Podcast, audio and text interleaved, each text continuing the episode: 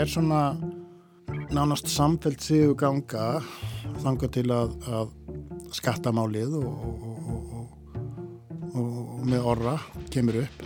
Það er svona fyrstu hindrannar í raun og veru, getur við sagt, eftir að slá í gegn. Ég komst næst því að geta séð Poor Things þegar ég fann hræðilega útgáfa á netinu sem var tekin upp með myndavel í bíó lélegri myndavill. Eins og einhver hafi stólist með 40 ára gamla myndavill í bíó til að taka myndina upp þar. Það er eitt af því sem að ég elska svo mikið við hvæðin er að þetta er svo mikil alþjóðhefð. Maður getur verið að ekki bara lesa hvernig einhverjum leið á átjóndu öll, hjarandi í vetrinum að býða eftir vorinu. Ég get ekki bara að lesa, ég get sungið það. Von sem varðað ágættis byrjun Hvæðakórin og Mísefnaðar bíóferðir. Ég heiti Lóabjörg Björnstóttir. Ég heiti Bjarni Daniel og þetta er lestinn 27. februar.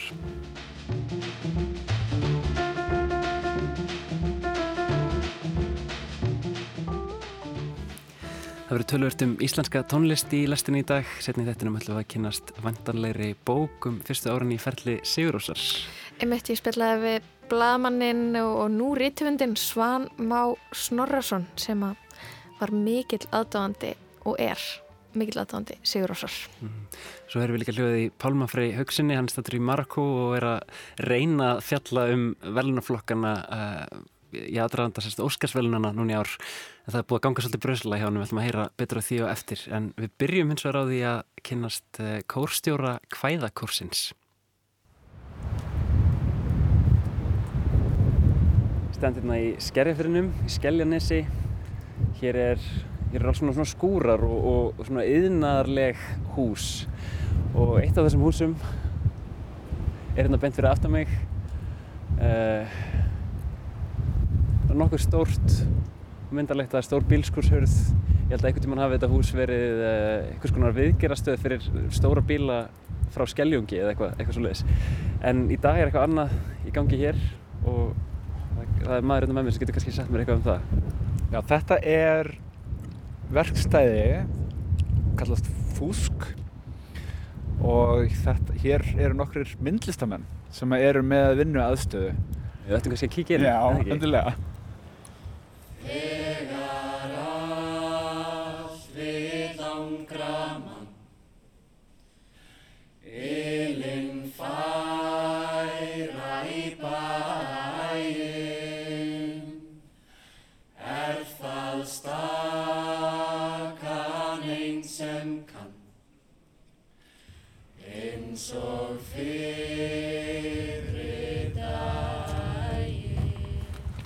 það læstist eftir ég veit ekki hvað hann heyrir inn í það var opið og síðan læstist. Svona Hættaði Þetta er í værið Já. Já, já. Ég heiti Línus Orri og ég er kórstjóri Hvæðakorsins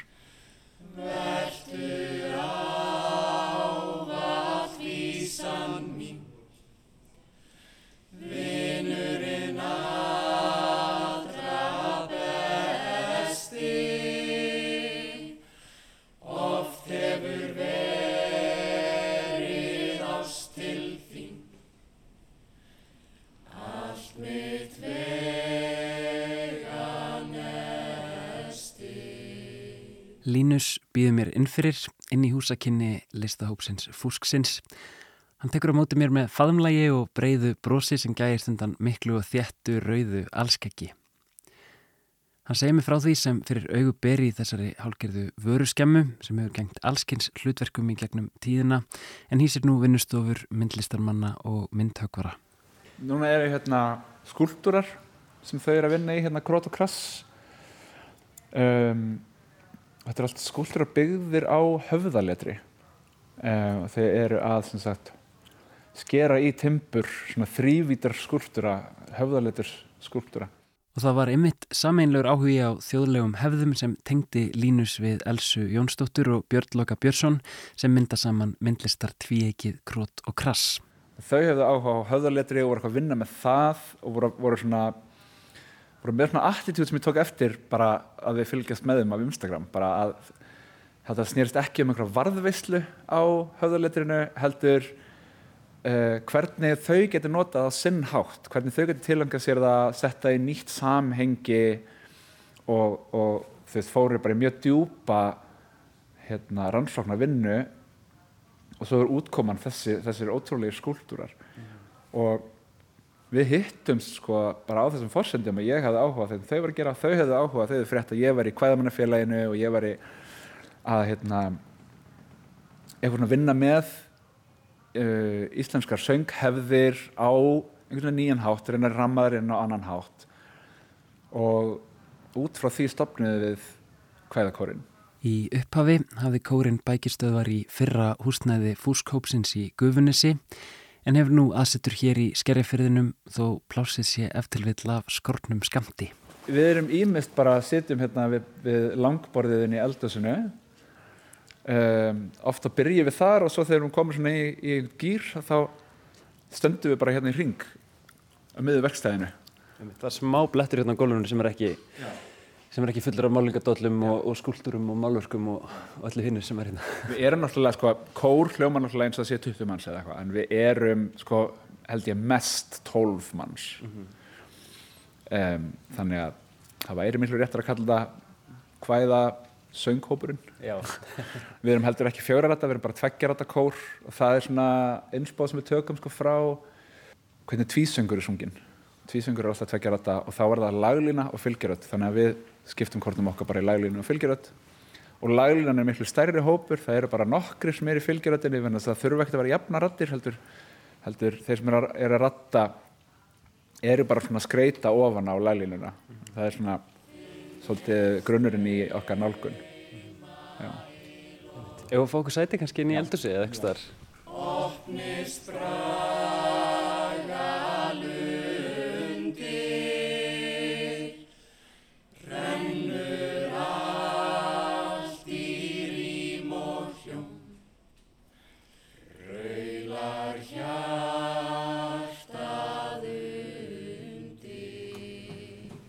hérna er svolítið allt um allt bara lifandi og, og notað eldhús greinlega, getur þú svona aðeins líst aðstæðum fyrir okkur? Þetta er svona ekta vinnuskúrs eldhús. Það er svona ekki beint munur á því hvað er vinnusvæði og hvað er eldhús, þú veist. Það er bara er þannig, þegar maður er að vinna þá getur maður ekkert haft eh, eitthvað rosalega fínt eldhús, það er bara praktíst um, en við höfum það mjög notalegt hérna á æfingum og, og þetta er alltaf í stöður í þróun þetta rými. Þegar bítur brjóstið stál Beiska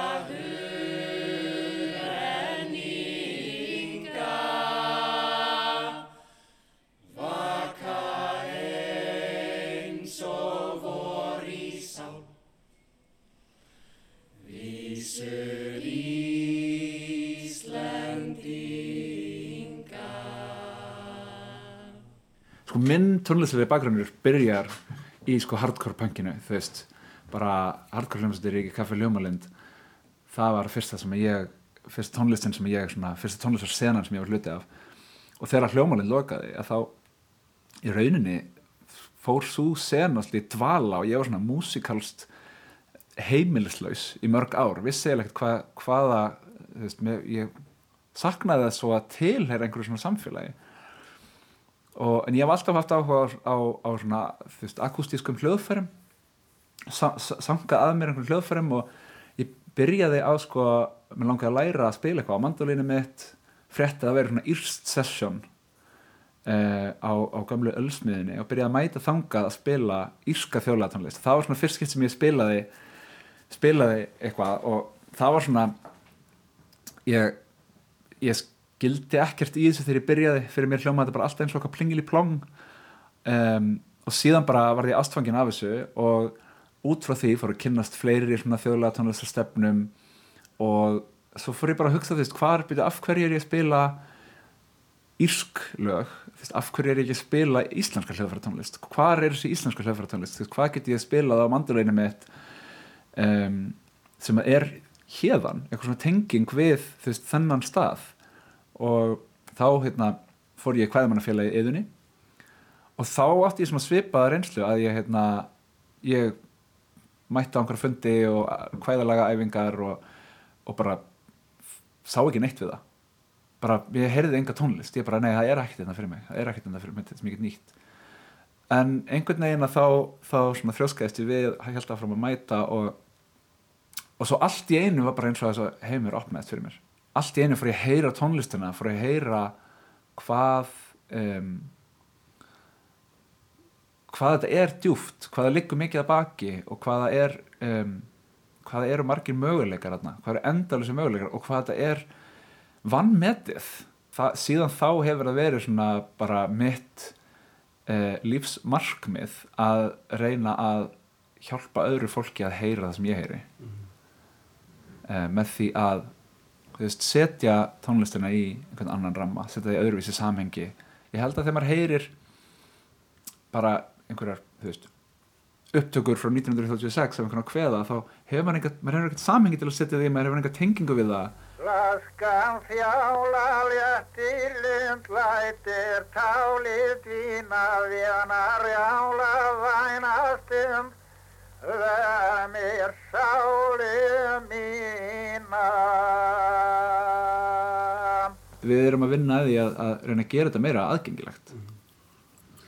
Mér finnst þetta fortilegt sem við talar um hérna með sko áhugðin á þjóðlaga tónlist mm -hmm. ég hef ekki sagt svo kveiknar þarna á þessum írsku þjóðlaga kvöldum mm -hmm. á öllsmiðjunni mm -hmm. um, og það er náttúrulega þannig að, að oft ef við hugsaum um sko, þjóðlaga tónlist þá hugsaum við um tónlist sem er flutt með mitt akustískum hljóðfærum en á kannski rætur að reykja til Breitlandsegi eða ég til Norður Ameríku út frá minni kannski takum skuðu hérna þekkingu á, á þessari tónlistasögu að þá náttúrulega kemur það kannski frá einhverjum svona hvað getur við sagt, svona revival, svona endur lífgunar mhm. senum sem að byrja í bandaríkinum hérna eitthvað á fjóruða áratögnum og svo heldur svo áfram inn í áttunda áratugin um, en það kannski, sko, þessi íslenska þjóðlæðatónlist hefur mitt ekki kannski átt þetta augnablík. Einmitt.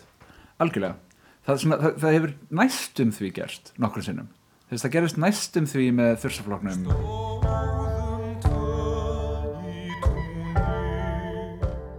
Það gerist næstum því með Savannah-tríónu Það er svo margt ef að er gáð sem um er þarf að ræða. Ég held að væri heim. En, en meiri sér svo með, þú veist, við fæðum skjóta inn hérna eins og með þrjú og palli sem Já. er svona, svona þjóðlega hljómsveit. Uh, Mikið af þeirri músík eru samt erlend mm. þjóðlega með íslenskum textum. Þau, sko þrjú og palli er náttúrulega tóku þau eru náttúrulega bara Peter, Paul and Mary Íslands þau, þau tóku Uh, rosalega mikið af insbó frá Norður-Ameríku og frá Skandinavi í vísnasögnum þar í Svíþjóð. Ég mun hrópa hátt og syngja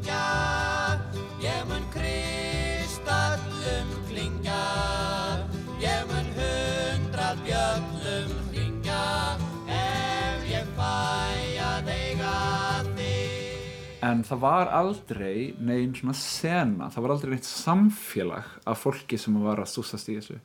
Og þegar ég kem inn í þetta að þá þá um, eru þú veist hljómsveitir nokkrar svona einstakar hljómsveitir sem eru að sinna þessu.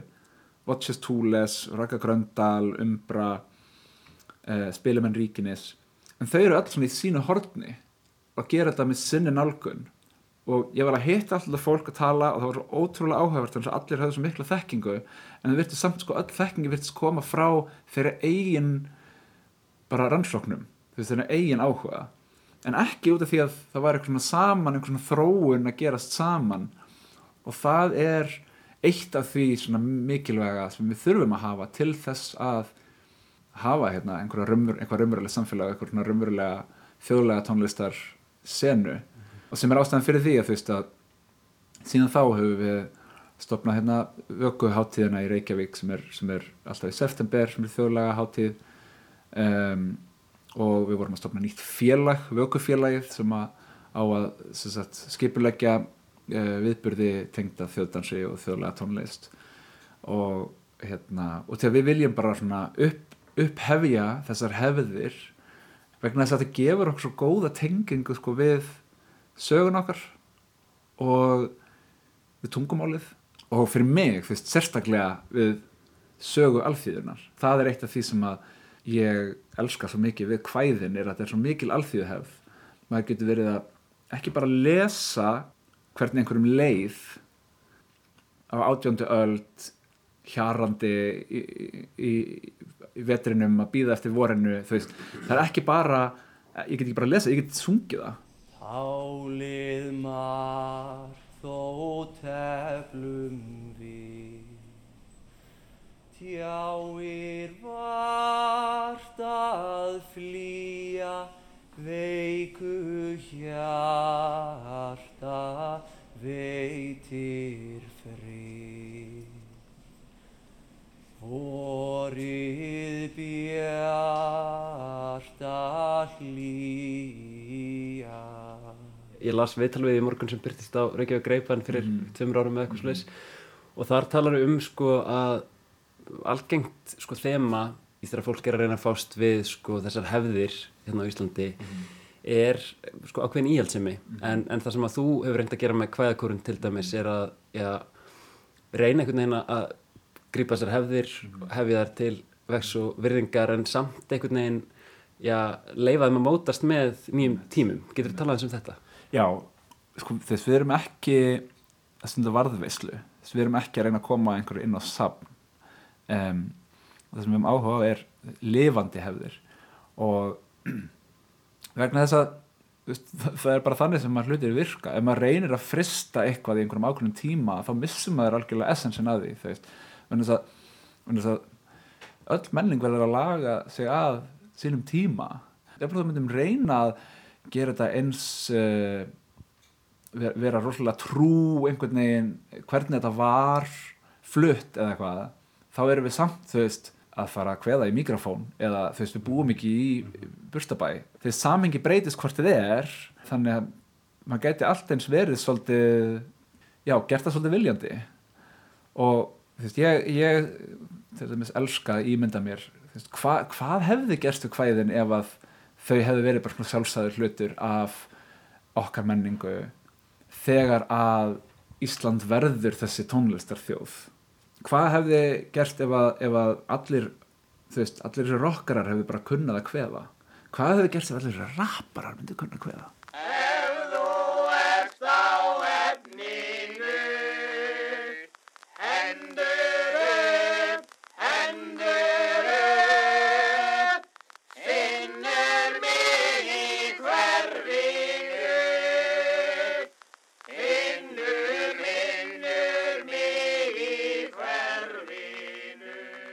Það hafa alveg verið einhver verkefni gerum tíðina sem hafa unnið svona á þessum mörgum, eða ekki? mm, það var þarna Erpur og, og Steindor Andersson eru rúglega svona frægasta dæmi um það sem að mér finnst svona ekkert sérstaklega vel hefna það er svona þetta er svolítið, þetta er svolítið eins og að setja harðfisk í Mexikosúpu þú veist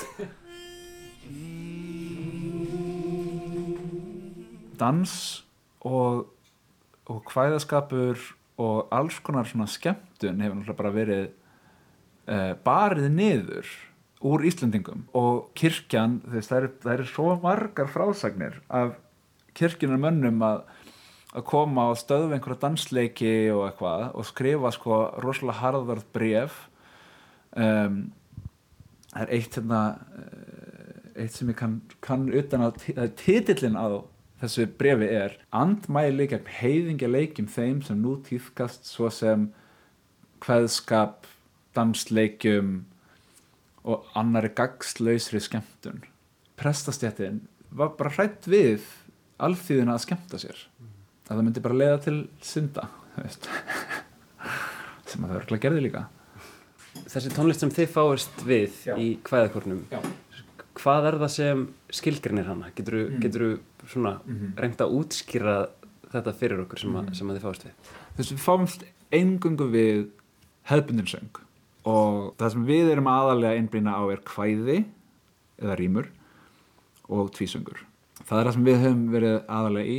Síðan er líka til, til líka þölur uh, vikivakakvæði uh, danskvæði eða, eða sagnadans eða vikivakar. Hver er munurinn á, á þessum hefðum? Já. Uh, Þetta er náttúrulega, nú erum við komin í rosalega nördalegt dót sko. en sko kvæði og rýmur þýðir nokkurn veginn það sama og það er þegar maður er að kveða eftir ákveðni stemmu ákveðnum stemmum hefðbundna bragarætti þannig að það er algjörlega byggt á þessum hefðbundi bragðráttum eins og ferskellum og Getur þú gefið okkur dæmi? endilega, endilega um, meðan líður æfi á áfram lífið drögum. Andinn gleðst við geislan frá. Gömlum björtum dögum.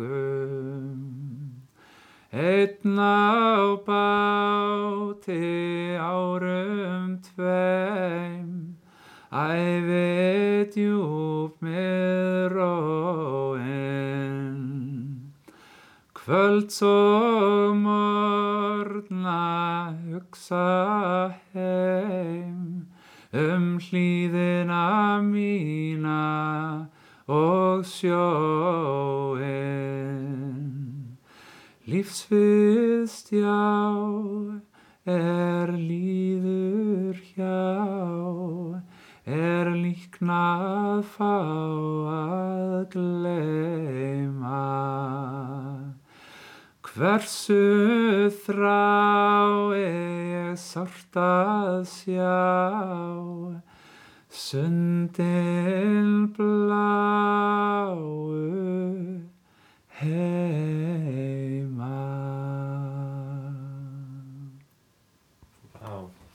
Takk fyrir. Þetta var reyndislegt.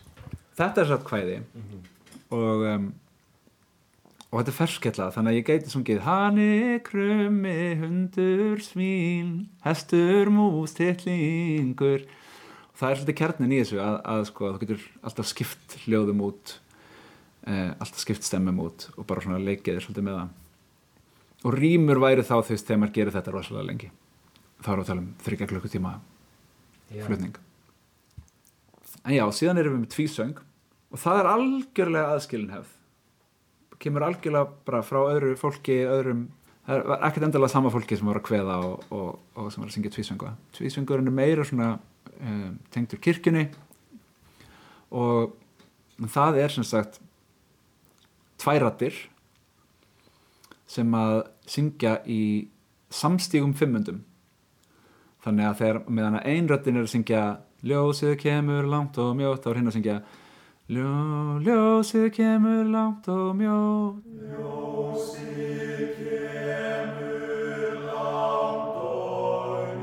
Þannig að maður er reyna að syngja tveim tóntegundum á sama tíma. Og svo það sem, að, það sem er gera alltaf þessi tvísöngur er þeir krossast þannig að efri röddin verður næri röddin.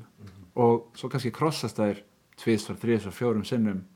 Og maður getur endað sko, byrjað uppi og endað fyrir neðan og þaðan kemur þessi, þessi hugmynd um að íslensk tónlist sé í samstega fimmundum það er svona það, mjög, mjög, svona eitt, eitt af fyrir sem fólk hugsa um sko, en þá er líka til sko, milli kvæðalega hefðarinnar og tvísöngsins þá er til svona, svona millistig sem heitir tvísöngstemmur sem eru ákveðin kvæði, ákveðina stemmur sem kallast tvísöngstemmur sem að sem sagt um, það er sungin fyrsta og þriðja lína einrata og svo önnur og fjörða lína er sungið í það er svona eins og ljósið kemur eða ljósi kemur er bara venjuleg tvísöngur um, og því að ljósi kemur myndi ekki virka ef þú myndi bara syngja eina rödd.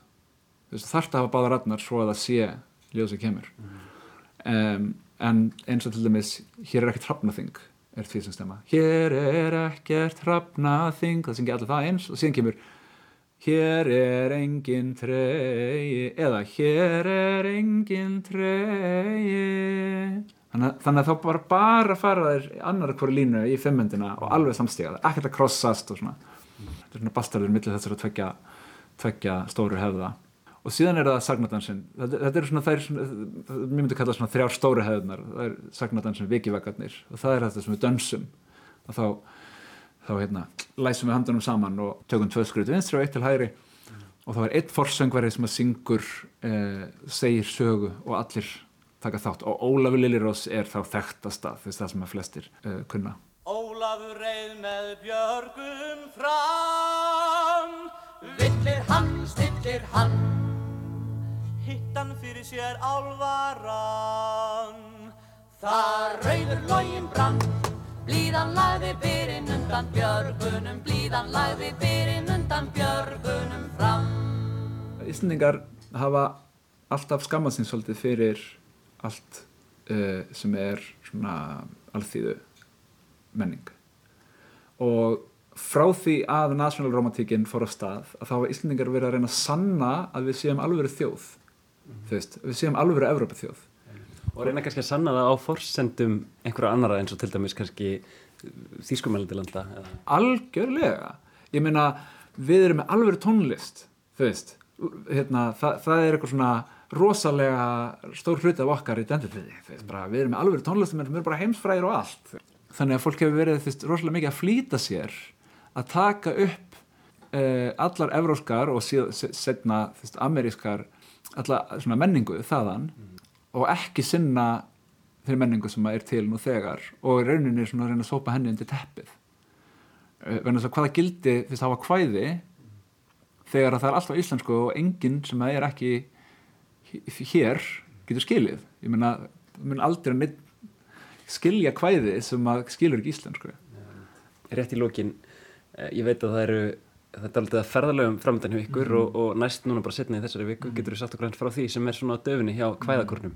Við erum að fara bara í, í svona langa helgarferð uh, til Amsterdam þar sem að hann, hann Loki, Björn Loki er að, er læra og hann er sérst í kórnum, einn af stoppmeðlumum og hann er að læra hönnun þar og er búin að þess að bara gefa út bók, kórbók sem hann hannaði fyrir kórin og um kórin og það eru alls konar textar um kvæði og tvísöngva og allir textar uh, sem við syngjum. Bara uh, þannig að það er hægt að við höfum, við höfum reglulega svona opnar æfingar oft í sánunni sem við erum með hérna. Og þá getur fólk bara komið og, og uh, kíkt í kórbókina og, og, og verið með. Og hérna við erum að fara að taka upp í stúdíóið þar. Um, já og síðan erum við, erum við á Galdrafarnu í apríl á Holmavík og á þjóðlaháttinu Siglufyrði í júli þannig að er, þetta er rosalega stórt ár sko. Strýkur gló ei grösin smá Geisla lófa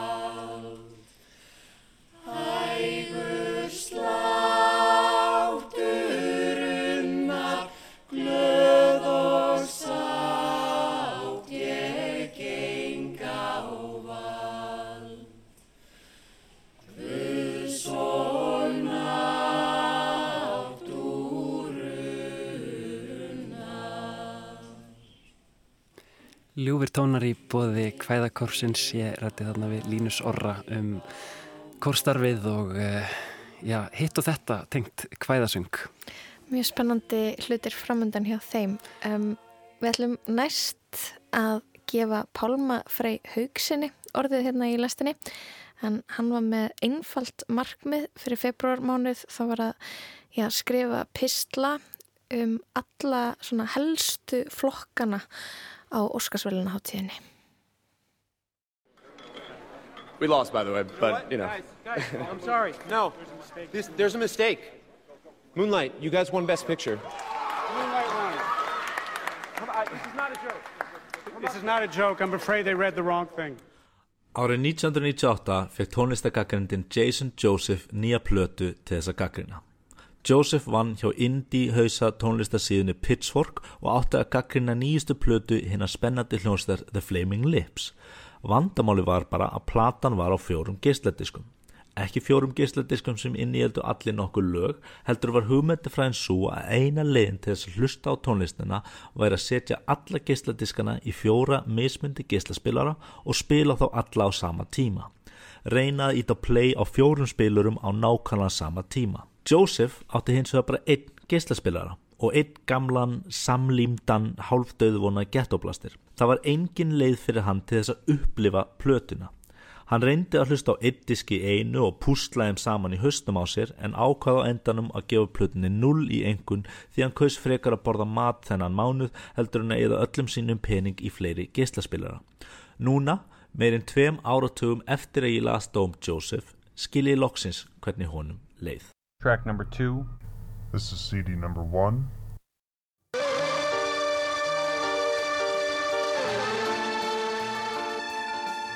Track number two. Number two. Track number two. Number three.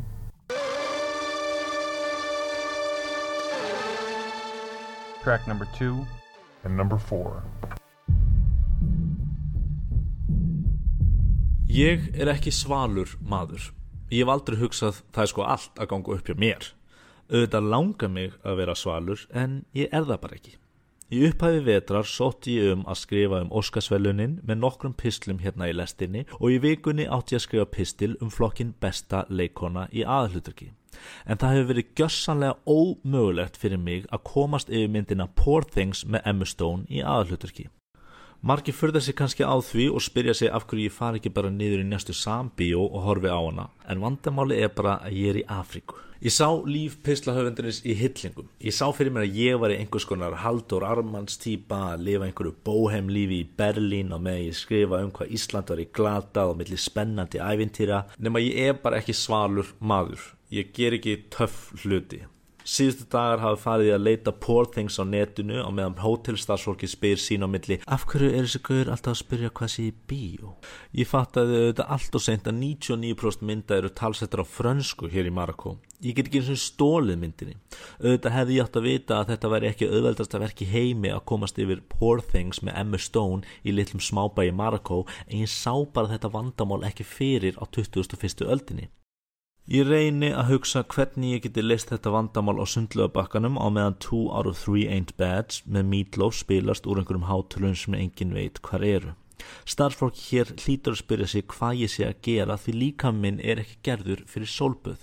Ég ligg þarna í minnum eigin svitapolli og tek engan lit því ég er einfallega of hvítur. Eina sem gerist er að ég verð skadbrenn ef ég gleymi einum fær sentimetra þegar ég ber á mig sóluvörd og verð svo aftur jafn fölur. Ég er ángríns búin að vera hérna í meira en mánuð sleikjandi sólina og ég er ekki eins og komið tanfar. Brenn bara og verð svo aftur eins hvítur og Emma Stone er framan á Poor Things plakatinu.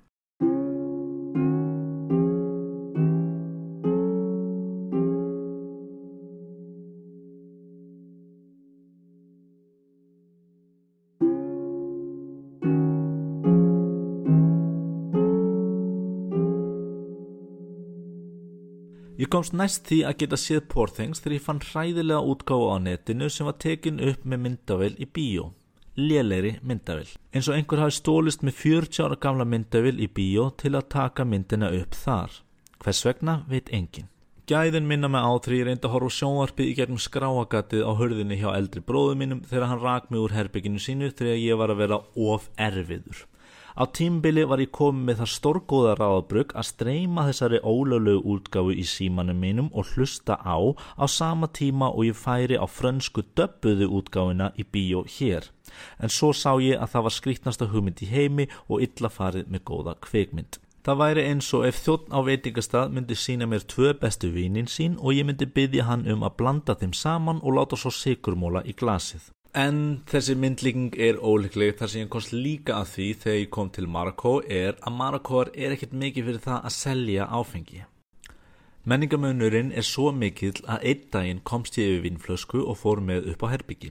Auðvitað var ég ekki með opnara þannig ég ringdi niður og spurði hvort að einhver væri með slíkan hér á þessu risastóra, markhæða og glæsilega hóteli. Stansmannin tjáði mér að þetta væri ekkert mál og saði ég sendi bara upp innamannin okkar og skellti á. Ég var handvis að þetta hefði verið einhvers konar tungumála með skilningur en nokkru síðar var bankað. Þegar ég opnaði stóð á móti mér maður með verkfærakassa og annar maður. Sá sem hjælt á verkfærakassanum arkaði inn í herbyggið og tók upp skrúfjátt og skrúfu og byrjaði að skrúfa í tappan og tók hann svo úr flöskunni með töng á meðan hinn maðurinn horfið spentur á. Hvort sá setni var lærlingur eða bara svona spentur að sjá vindflösku opnaða mun ég aldrei vita.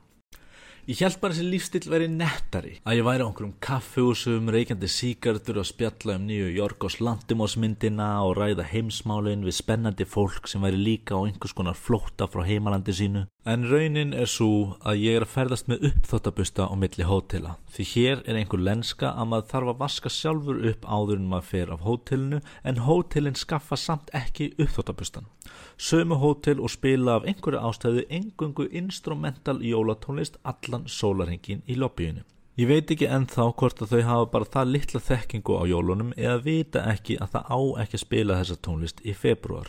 Svo er ég ekki eins og töff þegar ég er skrifa pislana. Ég sá fyrir mér að ég væri drekkandi kaldan koktel á hótelherbygginu mínu með sóluna sprengjandi herbyggið með einhvers konar spilberiskari lýsingu að meðan ég þurfti að klára síðustu setninguna því ég var að fara á reyf í einhverju töff vöruskemmu sem enginn vissi af. En í staðin fyrir það þá ákvað MacBook Pro tölvun mín að bila og astnarasta hátt í heimi þar sem skjárin slekkur alltaf á sér ef tölvan er opnuð meira en 70 gráður.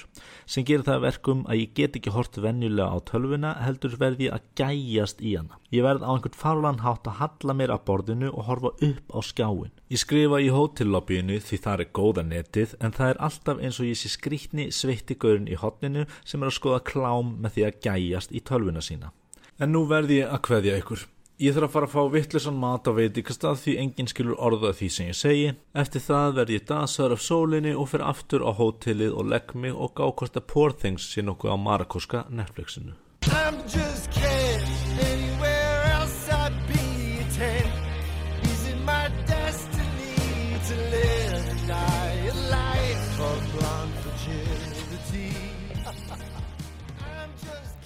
Já, það hefur veginn allt gengið á afturfóturum hjá Pálma Frey hugsinni upp á síkastið og hann hefur rekt gengið að sjá Poor Things með Stone í aðalluturki. Nei, en við uh, skemmtum okkur yfir rakferum hans í bylli. Já. um, en við ætlum að færa okkur yfir í bókmyndir hérna í lastin í dag. Uh, mjög nýjar bókmyndir. Við ætlum að heyra um bók sem er svo ný að hún er ekki eins og komin í brent. Við hittumst í, í yðskólan í Reykjavík og hérna fórum í stúdíu með eitt lag. Það vorum á hérna sömu bylgjuleng greinilega. Hérna fílum sömu tónlist og ákveðum að stofna hljómsveit. Og frá því varð Sigurós til. Sigurósa nafni kemur úr uh, hún var skýrði í höfða á sýstu minni sem fættist á sama tíma og, hljómsveitin.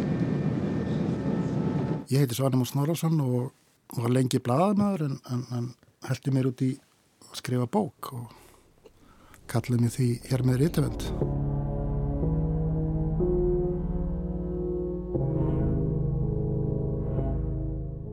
Af hverju skrifa bók um Sigurós? Hvaðan kemur þessi hugmynd? Já, hún, þetta er aldrei saga frá því. Ég var að leita mér að góðum heyrnatólum í, í, í vorið eða sumar Já. og fann þau eftir langa leit mér langaði að hlusta á Sigurós, ágættisbyrjun og Talk Talk uh, og skellti mig bara í það. Og einhvern veginn sogaði bara ágættisbyrjun mig inn aftur. Þetta er svona, þetta er náttúrulega bráðum 25 ár síðan hún var gefin út og hún hljómar þú veist, hún hljómar alltaf jafn vel.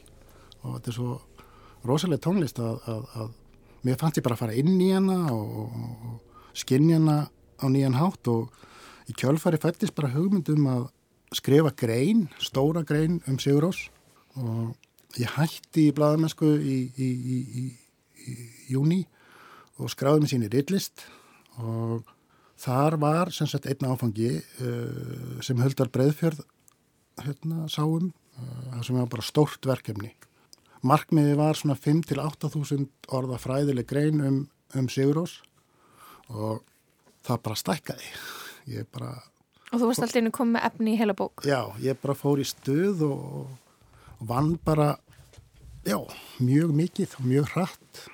Á hverju þessu bók byggð? Er þetta þarna, þitt eigi grúsk eða ertu sjálfur að fara í, fara, taka ykkur viðtöl eða hvernig er þetta? Já, þetta er svona smá blandi bóka. Það er kannski ekkit opáslega mikið af sjálfu mér í textanum ef við, við getum komið svolítið svo orði. Eh, Þetta er ekki einhverjar pælingar mínar um, um Sigurós. Þetta er, uh, þetta er saga uh, hljómsveitar, þryggja ungra strák, stráka, 94 sem er stopna, stopna þetta. Þeir hafi ekki neitt í handanum annað en seglu, dugna og vinnusemi og hæfileika. Ég tók til dæmis viðtal við Ásmund Jónsson, Ása í Gramminu eða Ása í Smekklesu og Þór Eldon uh, sem var í Sigumálunum og þeir tengjast sögu Sigurósar mjög sterkum böndum. Og, og síðan vinn ég í raun og veru bó, bókina svona á sakfræðilegan hátt. Ég, þetta er, við getum sagt að þetta sé kortlagning. Það er verið að kortlækja í raun og veru þann kabla sem kannski vantar daldið um Sigurós það er að segja byrjunin hvernig þeir fara stað og hvað eru segir og það tekur þá heil þrjú ár að koma út fyrstu plötunni sko þannig að dugnaðurinn og seglan var í þeim sko alltaf.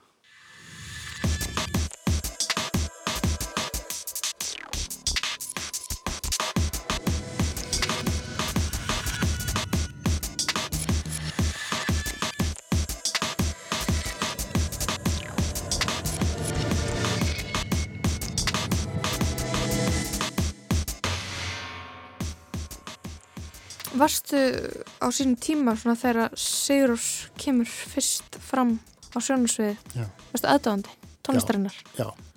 ekki samt sko ég er að veikina að ég, ég heyrði fyrst í þeim 98 þá, þá gáðu þeir út þess að þau gerðu endur hljóðblöndun á von, kallar hann á vonbriði og þessi margir voru að hljóðblanda en mjögst besta hljóðblöndun frá þeim, það var lag sem heitir Í leita lífi, það var mjög vinsalt á X-inu 98 og það var svona drum and bass dæmi held ég og síðan kemur allt í nákvæmt spyrjun og ég bara, ha, býtu Þá fannst þér að vera að Já, taka eitthvað skrýtna stefni? Já, þetta var bara, bara allt öðruvísi dæmi sko. Mhm, og, mhm. og, og, og hérna en já, jú, ég, ég heitlaðist af henni eins og margir aðri sko.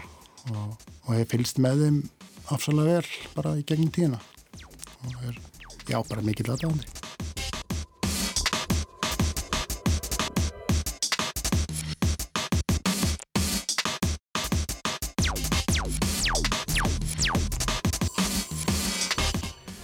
Ef maður lítur yfir uh, bresku pressuna þá er alveg greinlegt að uh, þið hafið vakið aðtegli úti. Uh, hvernig kemur það við ykkur? Það kemur bara vel við okkur sko. Það er bara ósað gaman sko. En hérna, það er bara, maður samt passa sér bara að líti ekki á stort á það kannski. Þetta er bara svona, við gáum út þessar smá skipu hérna og fengum smá svona aðtegli út af það. En hérna, þetta er bara svona gaman sko.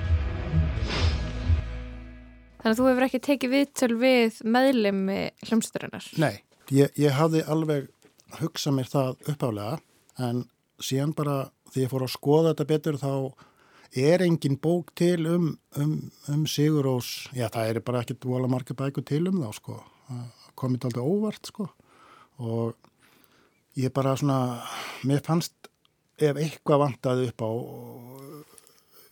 frásagninum Sigurós þá var þetta aldrei í byrjun og fram til þess tíma er, er ágættis byrjun slæðir algjörlega í gegn sko, þannig að Þetta er, þetta er ákveðin kapli af, af, af sögu Sigurósar. Þetta er frá 94 til 2000, 2001.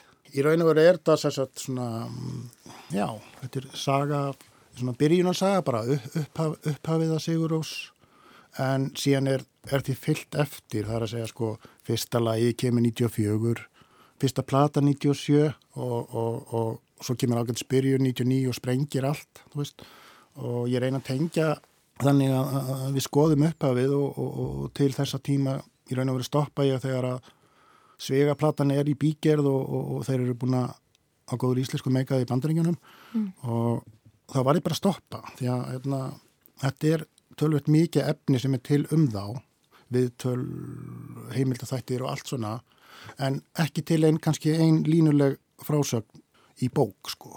Og ég var bara að stoppa þarna. Vita, vita hérna meðlumir Sigurósar af þessari bók. Já, já, uh, þeir hafa vita frá hann frá upphæði og þannig að þú ferðu samþekki frá þeim eða þú bara gerir þetta Já, sko- eða hvernig, hvernig, þú veist, hvernig ber maður sig að? Þann, Já. er ég er að skrifa bók um þig? Þarf maður að byggja að byggja um leifi eða er það bara kurtesi Ég myndi segja bara kurtesi. Ég hefði aldrei skellt út einhverju bók um Sigurós á þess að hafa samband við þá, sko. Það er, kom aldrei til greina.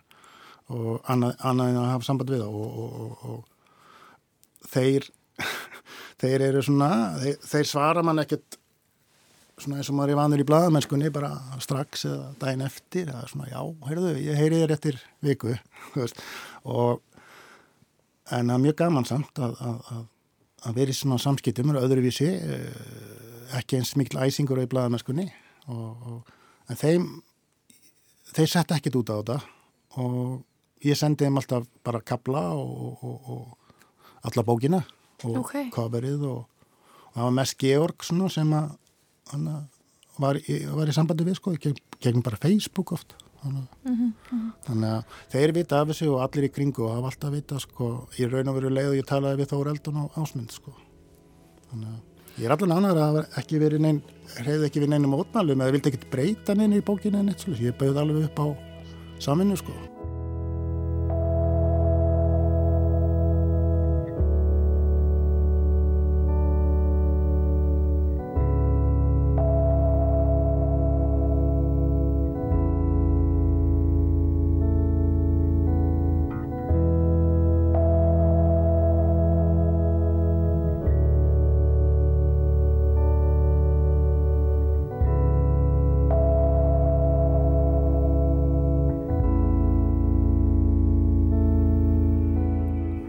stoppar þarna árið 2001 um það beil og, og þannig að þú nærði ekki fjalla um þessi umdeldari mál sem að komu upp svona setna á ferli hljómsveiturinnar þar að segja skattamálið og svo um, ásakanirnar um kynferðsópildi á hendur fyrir um trommara sveiturinnar Orra Pál dýra sinni en er það ekki svona sem einmitt fyrir um blaðamör það er svona fristandi líka að, Jú, jú, jú, jú, jú. að fara inn í það Vissulega, sko.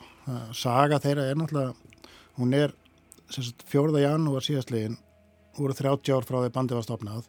Þetta er stóra mikil saga og hún er svona nánast samfelt sigur ganga þangað til að, að skattamálið og, og, og, og, og, og með orra kemur upp. Það er svona fyrstu hindrannar í raun og veru, getur við sagt, eftir að þið gegn Mhm.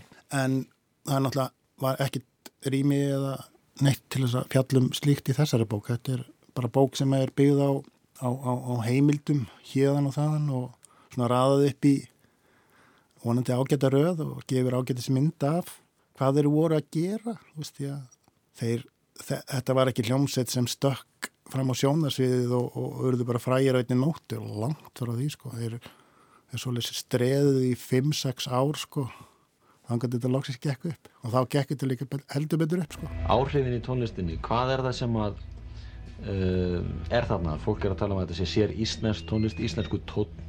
Hvaða tónn er þetta? Við okkur finnst rosalega gaman að fara á land og, og íslensk náttúra er náttúrulega alveg bara æði sko. Hún er svo gróf vilt og stór og þegar maður býr við svona aðstæður eins og Ísland þar sem maður hefur allt þetta rými og maður hefur þennan stóra heiminn að þá held ég að heimsýnin manns stekki svolítið sko. Og, og ég held að, að að músíkinn stundum enginn svolítið að því að þú veist, það er alveg, þú það er hraun í þessu og það er það eru stóri fossar og og allir þessi hlutir sko. Þó að við svona kannski ekki beint sko sem eitthvað að þó við tökum kannski ekki eftir sko sjálfur ég við trúum því að músíkinn svona þú veist tengist landinu sko. og, og við allir persónulega erum opslega tengdir Íslandi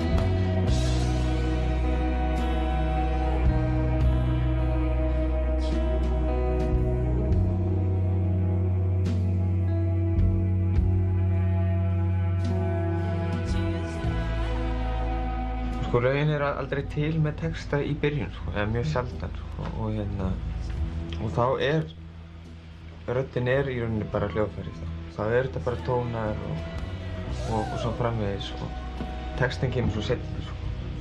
Jónsi syngur líka þannig þegar, þegar við erum að semja lögin að þá kemur upp þetta þetta tungumál sem við kallum vonleska sko. Ferðu eitthvað út í það svona að skoða svona hvernig að teki erlendis og hvernig þeir eru að eitthvað svona já, svona þeirra íslenska ímynd var svona vann með þeim en, en var líka smá svona já, já. Já, jú, einmitt. Sko, ég fjalla mjög, mjög mikið um von í bókinni, fyrstu blötuna, en síðan tekur algjörlega ágætið spyrjunum við og það kannski farið aðeins dýbra í hanna, og hún nú þekktari, þó að hefur nú verið fjalla mikið um von, en ég fjallum viðtökunar úti og þær eru svona og, og Kannski jafnvel svona smá svona komískar þegar litið tilbaka Já, í raun og veru sko, Mhm. það er einmitt og, og, og meðlými Sigurásar hafa verið ófeimnir að, að gera grín sjálfur sér og, og það sem það var sagt um þá sko, að Guði sé að gráta veist, einhverjum gulltárum frá himni til jarðar sko og, og svo rosalega upphafnar lýsingar á, á ágætt spyrjun sko, en alltaf Jónsi byrjar að nota svo kallar vonlensku á, á ágætt spyrjun og notar hann síðan alfarið á sögablöndinni sko. Svo er, já, já, svo er svona kapli til dæmis um hvernig, hvað þeir eruðu hérna vinsælir og, uh, hjá frægafólkin í Hollywood.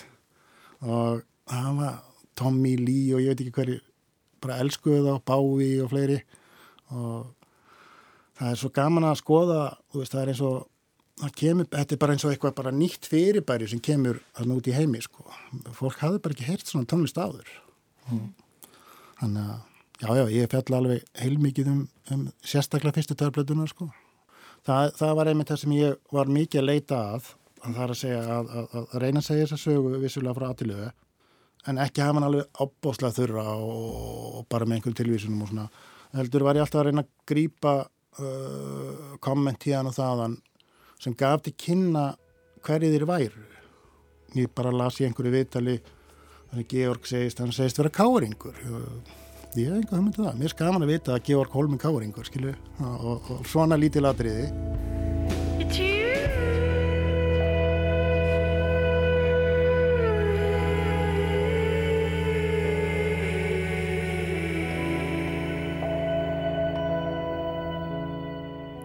Svanmór, takk fyrir komuna í lastina og til hamingjum með nýju bókina sem að heitir Hún heitir Það besta sem Guð hefur skapað, von sem var það ágættis byrjun, sagan af Sigurós.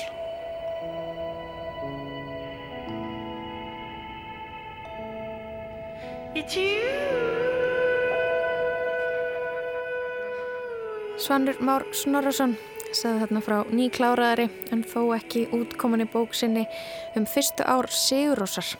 Svo heyrðum við verðan í byrjun brot uh, úr viðtali við hljómsveitina í Pop í Reykjavík og svo var, svo var önnur brot uh, úr uh, menningaþættinum Mosaic. Þá reytti Jónatan Garðarsson við Sigurós þegar þið voru að byrja að verða heimsfrægir um, en þessi bók sem að Svanur Már var að skrifa hún mun heita Það besta sem Guð hefur skapað von sem varðað ágætis byrjun, sagan af Sigurós og það er verið að þýðana yfir á japansku í þessum tölu orðum. Vá, spennandi. Þetta er engin smá titill, margar vísanir þarna. Mhm. uh, akkurat, en lastum verður ekki lengri að þessu sinni.